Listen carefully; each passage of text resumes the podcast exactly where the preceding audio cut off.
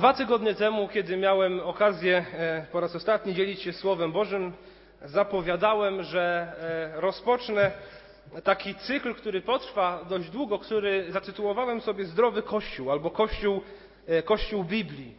I rozważaliśmy wtedy fragment z Ewangelii Mateusza 16 rozdziału, wersety 13 do 20. I dzisiaj też chciałbym to kontynuować, ponieważ nie zdążyliśmy omówić wszystkiego.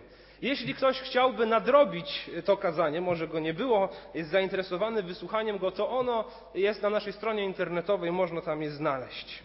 Mówiliśmy wtedy, e, skupiliśmy się głównie na, na słowach Jezusa, który powiedział: Ja zbuduję kościół mój. Mówiliśmy o tym, że kościół to ludzie, to nie budynek, ani to nie organizacja, ale to, to ludzie wierzący na całym świecie, którzy się spotykają, ale też i ludzie wierzący lokalnie spotykający się, czyli zbór. Mówiliśmy o tym, że Kościół buduje Jezus, że chociaż to my jesteśmy powołani do głoszenia Ewangelii, to my mamy głosić Słowo Boże, to, to budowanie Kościoła należy do Jezusa, który nami się często w tym posługuje. Mówiliśmy o tym, że Kościół istnieje dla Bożej chwały, że nie jest to jakaś organizacja jak każda inna na świecie, e, nie ma takich celów jak wiele innych e, jakichś grup, ale że celem Kościoła jest uwielbienie Chrystusa. E, I mówiliśmy też właśnie o tym rozdzieleniu na Kościół globalny, czyli wszyscy wierzący na całym świecie i Kościół lokalny, czyli zbór taki na przykład jak tutaj na ulicy Waliców 25. A dzisiaj omówimy dalszą część tego tekstu Przeczytajmy go raz jeszcze. Ewangelia Mateusza, rozdział 16, wersety od 13 do 20 i może powstańmy jeszcze do czytania tego tekstu z szacunku dla Słowa Bożego. A gdy Jezus przyszedł w okolice Cezarei Filipowej, pytał uczniów swoich, mówiąc, za kogo ludzie uważają Syna Człowieczego? A oni rzekli, jedni za Jana Chrzciciela, inni za Eliasza, jeszcze inni za Jeremiasza albo za jednego z proroków. A on im mówi: A wy za kogo mnie uważacie? Odpowiadając, Szymon Piotr rzekł: Tyś jest Chrystus, syn Boga żywego. A Jezus odpowiadając, rzekł mu: Błogosławiony jesteś, Szymonie, synu Jonasza, bo nie ciało i krew objawiły ci to, lecz ojciec mój, który jest w niebie. A ja ci powiadam, że ty jesteś Piotr, i na tej opoce zbuduję kościół mój, a bramy piekielne nie przemogą go. I dam ci klucze królestwa niebios. I cokolwiek zwiążesz na ziemi, będzie związane i w niebie, a cokolwiek rozwiążesz na ziemi, będzie rozwiązane i w niebie. Wtedy przykazał uczniom swoim, aby nikomu nie mówili, że On jest Mesjaszem. Amen. Usiądźmy.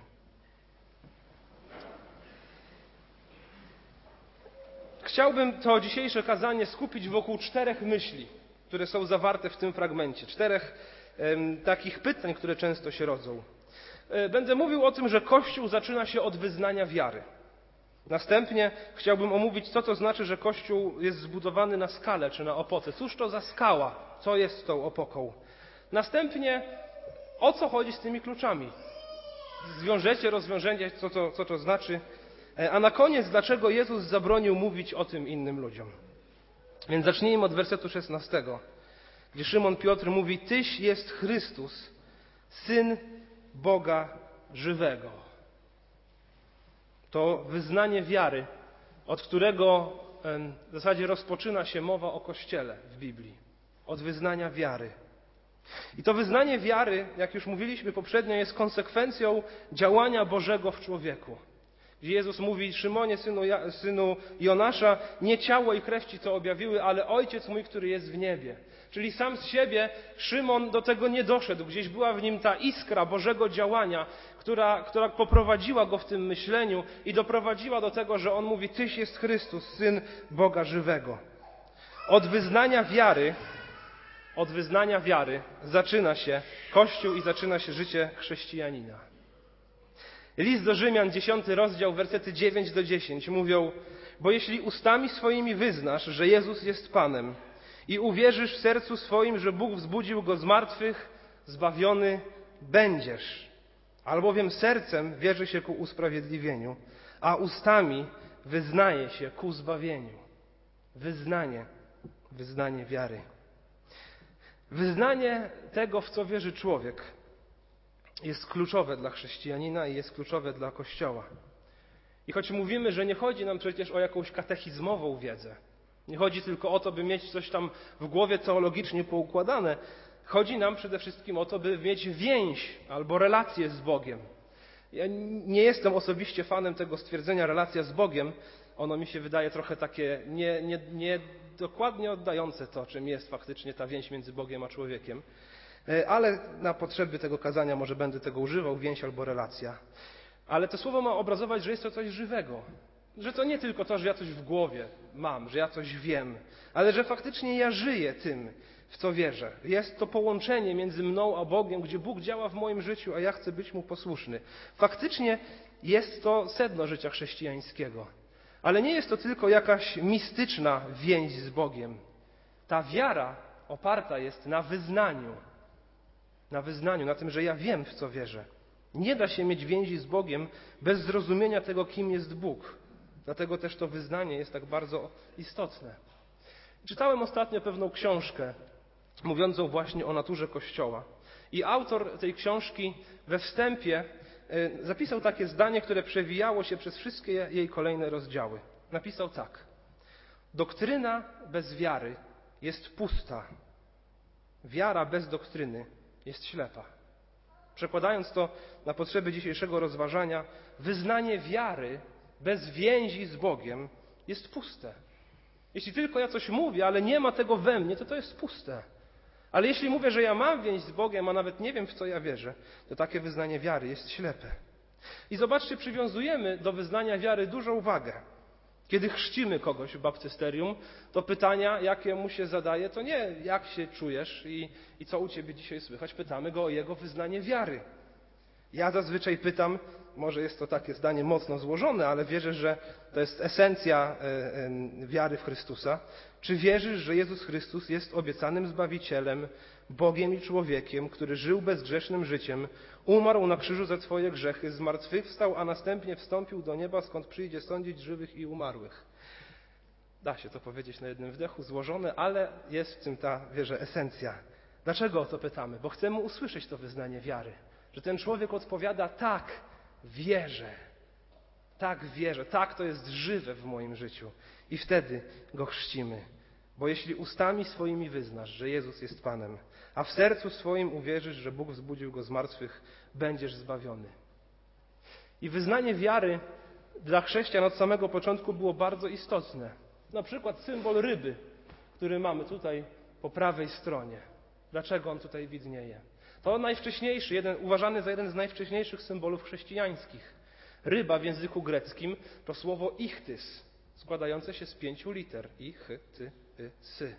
I jeśli każdą tę literę rozwinąć, to wychodzi wtedy wyznanie wiary, które w języku greckim brzmi Jezus Chrystus, teu hyos soter, czyli Jezus Chrystus, Boga Syn Zbawiciel. Pierwsi chrześcijanie rozpoznawali się właśnie po, y, y, po tym znaku ryby, po tym, że Jezus Chrystus to Boga Syn Zbawiciel.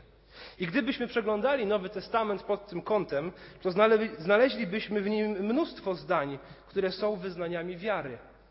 Od y, Tomaszowego, który mówi Pan mój i Bóg mój, patrząc na Jezusa, po to, co pisze apostoł Paweł w pierwszym liście do, do Tymoteusza, mówiąc: Ten, który objawił się w ciele, został usprawiedliwiony w duchu, ukazał się aniołom, był zwiastowany między poganami, uwierzono w niego na świecie, wzięty został w górę do chwały. To fragment pierwszego listu do Tymoteusza i zapisany on też jest w języku oryginalnym w taki sposób dosyć poetycki, że bibliści uważają, że to było takie zdanie, które również chrześcijanie wypowiadali jako ich wyznanie wiary. Aż po możemy znaleźć takie wyznanie jak Maranata. Przyjdź, Panie Jezu. Wierzę w Twoje przyjście. Dzisiaj wyznaniem wiary dla nas jest często modlitwa pańska. Prawda? Przekazuj, kiedy się modlimy wspólnie jako zbór tą modlitwą, to są tam e, zawarte e, pewne prawdy. W pieśniach czasami śpiewamy wyznanie wiary. Dzisiaj też tak będzie pod koniec nabożeństwa. Pytanie jednak, czy my tylko śpiewamy i tylko mówimy i tylko czytamy, to jest ważne, ale znacznie ważniejsze jest to, czy tym żyjemy. Bo kiedy Piotr wypowiada, Ty jesteś Chrystus, Syn Boga żywego, to to nie jest od tak sobie rzucone zdanie. To całe jego życie było poddane pod to wyznanie wiary. Całe jego życie szło za tym, że Jezus Chrystus jest Bożym Synem, Zbawicielem i on poszedł za Jezusem wszędzie tam, gdzie Jezus go powoływał. I chociaż mnie osobiście pasjonuje teologia, wiedza o Bogu, to nie studiuję jej, czy nie czytam tych książek teologicznych na przykład tylko po to, żeby sobie napompować głowę jakąś wiedzą. Chcę poznawać to, dlatego że wiara jest sednem mojego życia, więc chcę wiedzieć, w kogo wierzę i w co wierzę. Aby faktycznie śpiewać i modlić się pełnym sercem, aby to nie było tylko odśpiewanie pieśni, ale aby całe moje serce było zaangażowane w tę pieśń, kiedy śpiewam na chwałę mojego Boga. Więc nie chodzi tylko o to, co my sobie myślimy o Bogu. Sednem jest to, co Bóg mówi sam o sobie. Dlatego też sednem protestanckiego nabożeństwa jest kazanie. Mamy kazalnicę w centrum kaplicy. Nie we wszystkich kościołach tak jest. Ta kazalnica jest no, dosyć sporych rozmiarów. Przykuwa wzrok, dlatego że chcemy przez to pokazać, że zależy nam na tym, w co wierzymy, na głoszonym słowie. Za kazalnicą mamy stół, na którym sprawujemy pamiątkę wieczerzy pańskiej. To tutaj też jest to wyznanie wiary, że wierzymy w to, że Jezus Chrystus umarł za nasze grzechy. I wspominamy to, i wierzymy w to, że ta krew Jego oczyściła nas od grzechu. A jeszcze za tym stołem mamy baptysterium, gdzie już tysiące ludzi składało swoje wyznanie wiary w towarzystwie setek świadków w tej kaplicy. Wyznanie wiary. Od, od niego zaczyna się mowa o Kościele w Biblii. Od wyznania wiary zaczyna się życie chrześcijańskie. Troszczmy się o to, aby wiedzieć, w co wierzymy. Aby nie była to tylko wiara pusta, ale by, czy ślepa, ale by faktycznie świadomość tego, kim jest Bóg, było połączone z wielkim zaufaniem do Niego i wielką miłością do Niego. To werset szesnasty. Ty jesteś Chrystus, Syn Boga żywego. W odpowiedzi na to Jezus mówi: Błogosławiony jesteś, Szymonie, synu Jonasza, bo nie ciało i krew objawiły ci to, lecz Ojciec mój, który jest w niebie. A ja ci powiadam, że ty jesteś Piotr, i na tej opoce zbuduję kościół mój, a bramy piekielne nie przemogą go. Co to za opoka? Na jakiej opoce Jezus zbuduje swój kościół? Imię Piotr e, to e, po grecku imię Petros, a po aramejsku imię Kefas. I pochodzi ono właśnie od słowa Petra, czyli skała. Czyli Piotr, można by to tak przetłumaczyć, że jest to kamień. Ty jesteś Piotr, ty jesteś kamień, a na tej skale, na tej opoce zbuduję kościół mój. O kim Jezus mówi, albo o czym? Są takie trzy główne koncepcje interpretacyjne i postaram się je pokrótce przedstawić.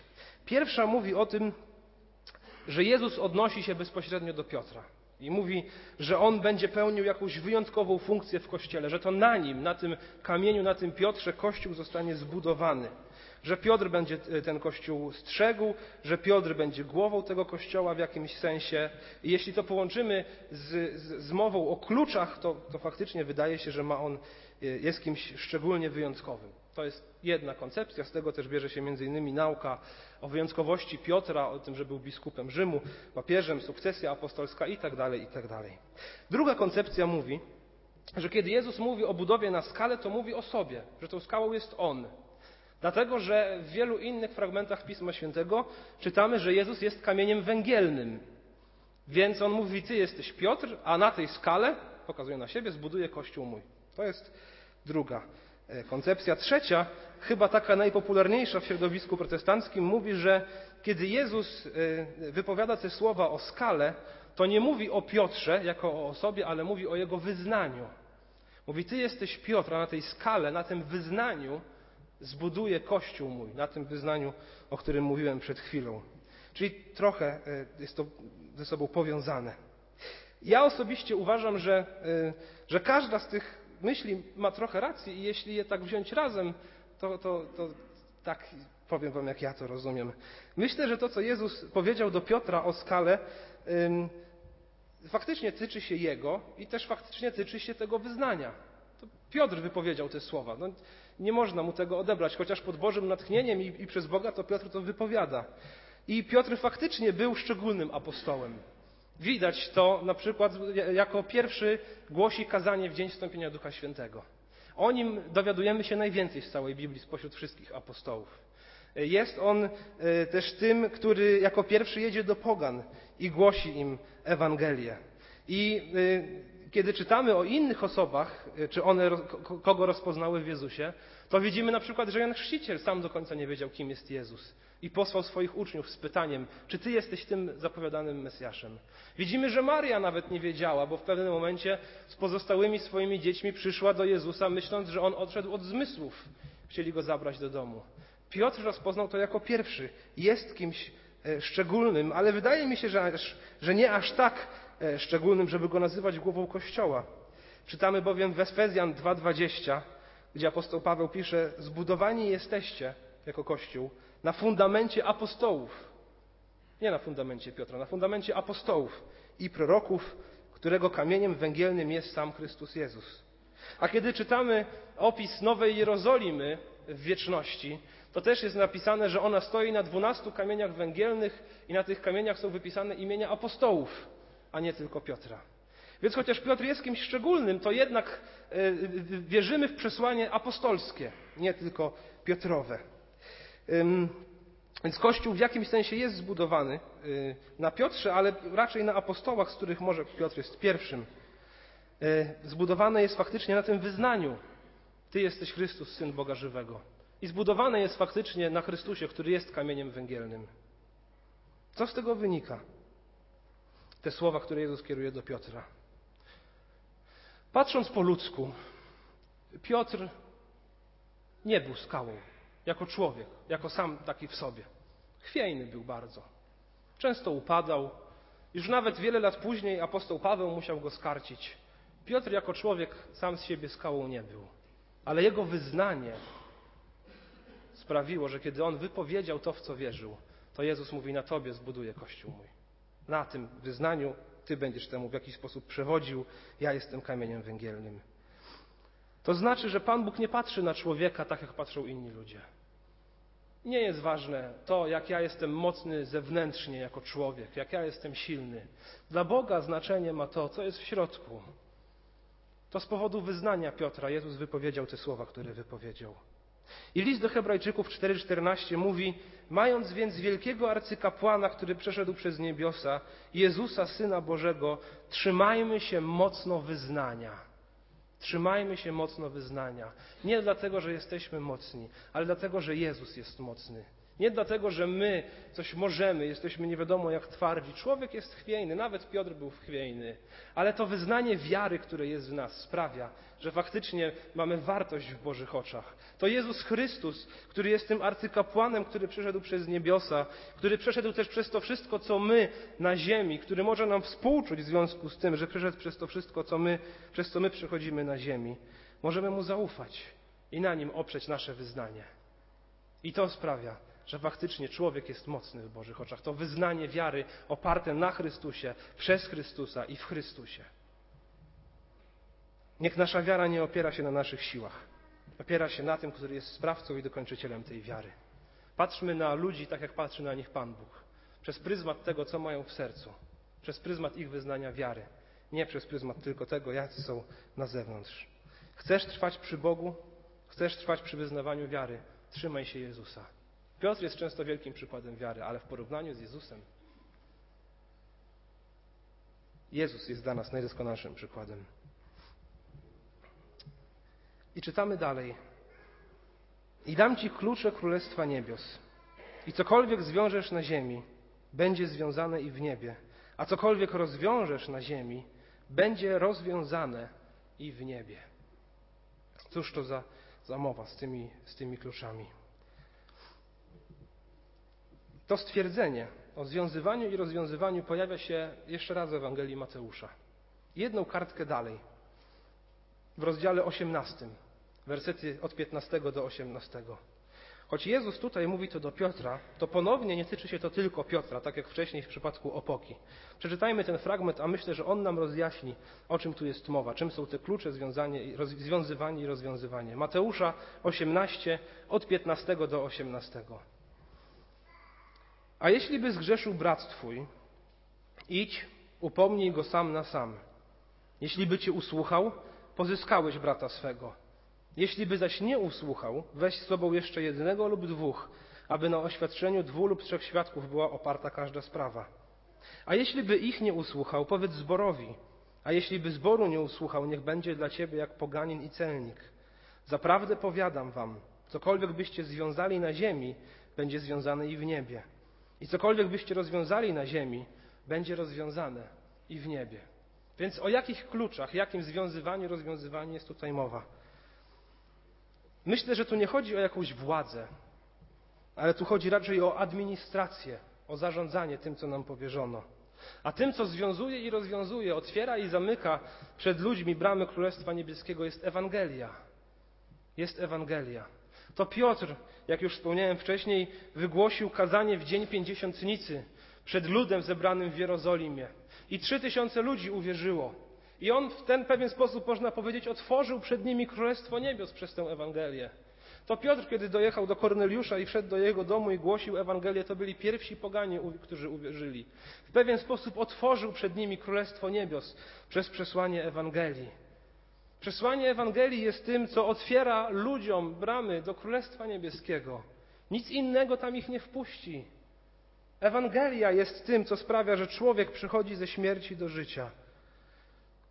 To Ewangelia otwiera przed ludźmi Królestwo Niebieskie. I kiedy ktoś się nawróci, e, wyznaje, potem przyjmuje chrzest, zostaje członkiem zboru, członkiem kościoła, tego widzialnego i niewidzialnego, lokalnego i globalnego, to my jako zbór możemy powiedzieć, przyjmując taką osobę do siebie, my rozpoznajemy w nim dziecko Boże.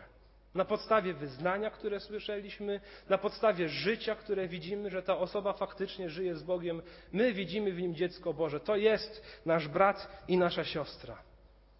Ale z drugiej strony też, kiedy ktoś upada w grzechu i nie chce z niego pokutować i trwa w nim stale, nawet jeśli formalnie jest członkiem Kościoła, to tutaj w, w Mateusza 18 czytamy, jeśli widzisz, że grzeszy twój brat, idź do niego sam i mu powiedz. Nie po to, żeby poczuć się lepiej, że, że ty nie masz takich problemów jak on, ale po to, żeby z miłości pokazać mu, bracie, ty grzeszysz, uważaj, co się z tobą dzieje i nie zatrać swojej duszy w tym grzechu.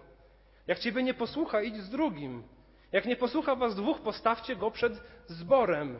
Bo to zbór ma e, te klucze, to, to związywanie i rozwiązywanie, e, które też jest w niebie w jakiś sposób sankcjonowane. I zbór może powiedzieć, bracie, siostro, trwasz w grzechu i nie chcesz z niego pokutować. I to, co robisz, nie jest godne Królestwa Bożego. I tak człowiek wierzący, dziecko Boże się nie zachowuje. Musisz przestać, bo inaczej sam y, świadczysz o sobie, że nie jesteś częścią tego Królestwa. To Kościół ma rozpoznawać i to Kościół ma napominać. Znowu nie czując się lepszym od kogoś, ale robiąc to z miłością i z troską o cudzą duszę, ale też i o swoją, żeby to ktoś kiedyś im nie powiedział, kiedy ja upadam w grzechu. Więc te klucze, o których tutaj jest mowa, to nie, że Piotr siedzi w niebie i tam jest jakaś brama i ma klucze i tam wpuszcza kogo chce do nieba, a kogo chce nie wpuszcza. To Ewangelia, pełna łaski i prawdy. Tę Ewangelię mamy głosić. Drodzy, jeśli chcemy przed innymi otwierać Królestwo Boże, to możemy to czynić przez Ewangelię. Jeśli śpimy i ta Ewangelia gdzieś tylko w nas może jeszcze lekko się tli, to nie dziwmy się, że całe masy zmierzają wprost do wiecznego potępienia. Piotr stanął i wygłosił kazanie, nawróciły się trzy tysiące dusz. Jest napisane, a Pan codziennie pomnażał liczbę tych, którzy mieli być zbawieni. Bez Ewangelii ten świat jest zamknięty za bramami piekielnymi. Jezus nas powołuje do tego, by tę Ewangelię głosić, by rozwiązywać ten grzech, by rozwiązywać człowieka z tego jarzma niewoli, w którym on jest. Głośmy to. A wierzę, że Pan Bóg będzie wierny i będzie faktycznie to czynił, ratował ludzi. Ale jednocześnie też czasami bycie e, w kościele, czy bycie kościołem wymaga trudnych decyzji. I trzeba spojrzeć komuś prosto w oczy i powiedzieć: Bracie, kocham Ciebie z całego serca, ale żyjesz w grzechu. Ratuj siebie, chodź, będę się z Tobą modlił, będę się o Ciebie troszczył, nie daj się temu grzechowi, bo zginiesz. Ale jeśli ktoś nie chce pokutować, to tu jest napisane, niech będzie dla Was jak poganin celnik. To nie znaczy odwróćcie się od niego. Jezus przede wszystkim do celników głosił, a Paweł do pogan. To znaczy głoście mu Ewangelię, bo najwidoczniej jest niewierzący. Głoście mu Ewangelię. Tym są te klucze, to rozwiązywanie i związywanie.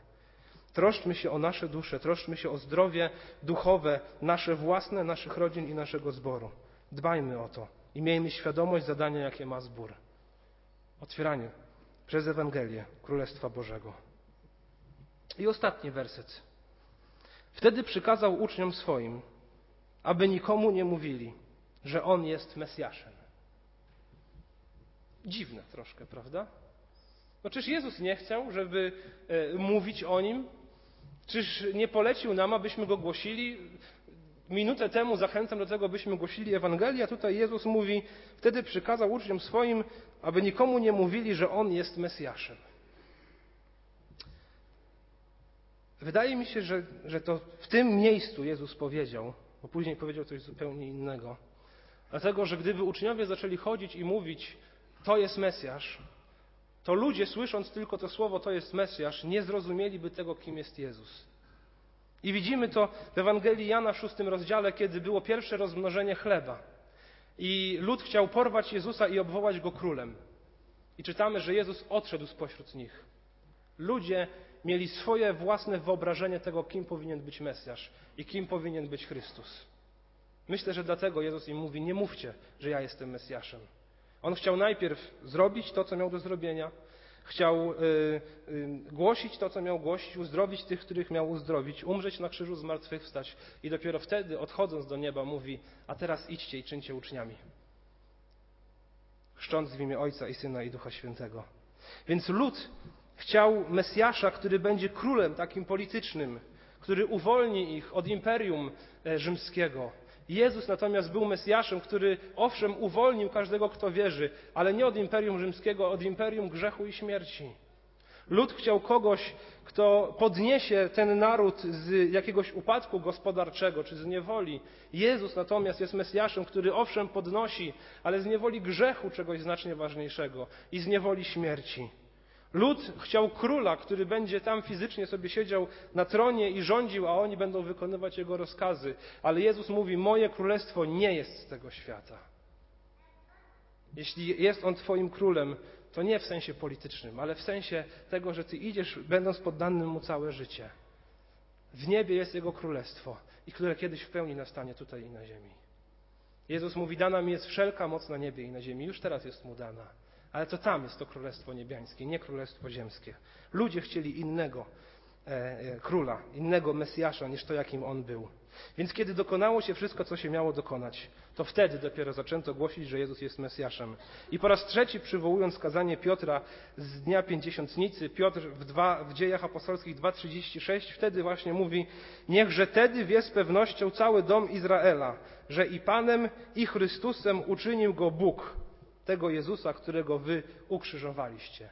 I jawnie zaczęto głosić, że Jezus jest Mesjaszem. Ale wcześniej zakazał im tego mówić, bo ludzie by tego nie zrozumieli i nie poszliby za tym, za czym faktycznie powinni pójść. I tu, drodzy, po raz ostatni chcę się do Was zwrócić i do siebie samego też. A jakim dla Ciebie jest Jezus?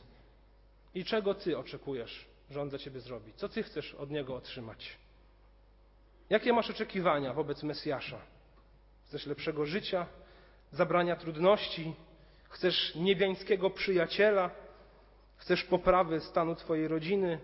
Ludzie przychodzili i przychodzą do Jezusa po mnóstwo rzeczy. Ale pytanie nie jest, co Ty chcesz. Pytanie jest, czego On chce od Ciebie. A On chce całego Twojego życia, a w zamian ofiaruje Ci życie wieczne. Wieczną radość u Jego boku. On chce całego Twojego jestestwa, posłuszeństwa, a w zamian e, obiecuje uwolnienie od grzechu. I to nie chodzi o jakąś transakcję handlową, ja dam to, ty dyszę mi to. To chodzi o poddanie wszystkiego niemu, a on faktycznie wręczy nie zapłatę, ale nagrodę. Wręczy wieniec żywota każdemu, kto wytrwa aż do końca. Dostrzegajmy w Chrystusie tego, kim on naprawdę jest. Bo ludzki obraz Boga to jest zawsze fałszywy obraz Boga. Ale biblijny obraz Boga to jest zawsze prawdziwy obraz Boga. Przychodźmy do Jezusa, takiego, jakim On jest. Kończąc, wiem, że wiele tematów dzisiaj poruszyliśmy i takich może trudnych kwestii. Powtarzając to, o czym mówiliśmy, Kościół zaczyna się od wyznania wiary. Jeśli jesteś w Kościele, Chodzi przede wszystkim o Twoją więź z Chrystusem, że Ty żyjesz faktycznie z Nim na co dzień, ale też musisz wiedzieć, w co wierzysz. Kościół zaczyna się od wyznania wiary. Troszczmy się o to wyznanie, by faktycznie ono w nas żyło. Po drugie, Szymon sam z siebie nie był skałą jako człowiek. To jego wyznanie sprawiło, że on stał się Piotrem. Nie jego charakter, nie jego moc, nie jego kwalifikacje, ale jego wiara. Bóg nie patrzy na człowieka po ludzku. Nie szuka siły i mocy, ale szuka wiary. Chcesz się nią cechować, to zbliżaj się do Jezusa, arcykapłana. Trzymaj się Niego, trzymając się wyznania, jak mówi list do Hebrajczyków 4:14. I tak jak Piotr w pewien sposób rozpoczął działalność Kościoła, tak Kościół i zbór kontynuuje tę działalność, otwierając i zamykając drzwi Królestwa. Głośmy Ewangelię, troszczmy o siebie, się o siebie nawzajem, sprawujmy dyscyplinę w naszym życiu duchowym. Kiedy trzeba, y, miejmy odwagę powiedzieć komuś, bracie, ko kocham Cię i troszczę się o Ciebie. Nie idź tą drogą. Nie idź tą drogą. A jeśli ktoś nie chce pokutować, to powinien zostać postawiony przed zborem. To jest ta część negatywna, a ta część pozytywna. Drodzy, głośmy Ewangelię. Kto inny jak nie my ma to czynić? I otwierajmy Królestwo Boże tym, którzy są zamknięci za bramami piekielnymi. I pamiętajmy, że Jezus jest Mesjaszem. Bogiem na swoich warunkach, nie na ludzkich warunkach. Przyjdź do Niego, oddaj Mu swoje życie, jeśli nigdy wcześniej tego nie zrobiłeś. Ukusz się przed Nim, bądź posłuszny Jemu, Jego Słowu, a będzie On na zawsze Twoim Zbawicielem. Ludzki obraz Boga to zawsze fałszywy obraz Boga. Znaczenie ma to, kim On jest naprawdę i co mówi o sobie. Jest On Panem tego świata, Królem Królów, Stworzycielem nieba i ziemi, przez którego i dla którego wszystko zostało stworzone. I woła również i dzisiaj każdego człowieka wezwaniem Ewangelii. Nie zatwardaj swego serca, jeśli nigdy na nie nie odpowiedziałeś, ale przyjdź do Niego i wyznaj Mu swój grzech. Wyznaj wiarę w Jezusa Chrystusa i idź za Nim wiernie. A zbór i inni ludzie wierzący, wierzę, że będą troszczyć się o Ciebie i Twoje życie duchowe. Tak samo troszczmy się i o nasze w naszych domach. Amen.